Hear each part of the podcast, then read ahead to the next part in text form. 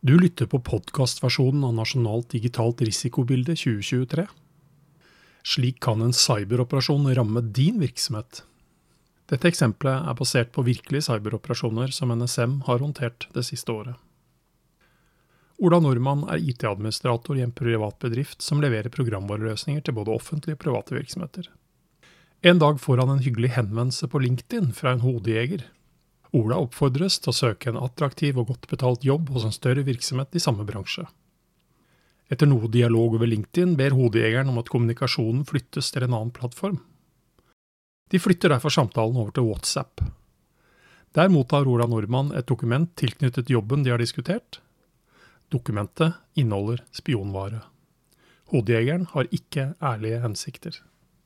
Ola får ikke åpnet dokumentet på mobilen, og melder tilbake at vedlegget ikke lar seg åpne. Hodejegeren tipser om at han kan åpne den på en laptop i stedet, og siden Ola allerede er på jobb, åpner han den på laptopen han vanligvis bruker her. Slik installerer han intetanende skadevare på en datamaskin tilknyttet arbeidsgivers infrastruktur. Dagen etter logger han på jobbens tjenesteportal, som benyttes for å yte fellestjenester til de offentlige private virksomhetene i kundeporteføljen.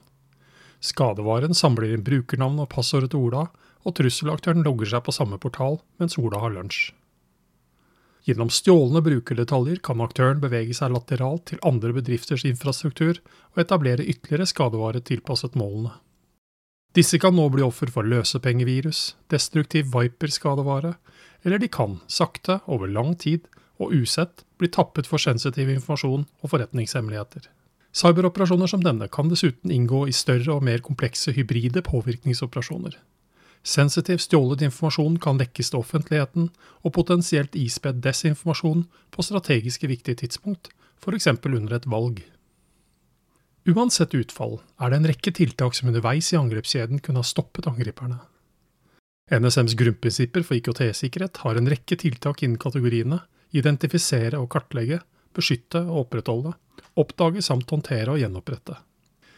Et utvalg av tiltak fra disse kategoriene som kunne risikoredusert cyberangrepet, er 123 Kartlegg enheter i bruk i virksomheten.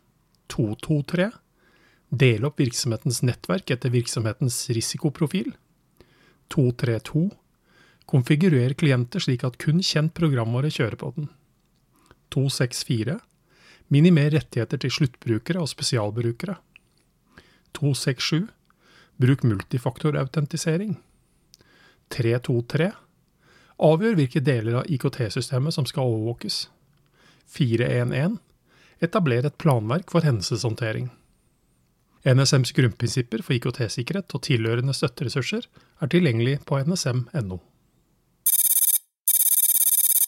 Du har lyttet til podkastversjonen av Nasjonalt digitalt risikobilde 2023, og mitt navn er Roar Thon.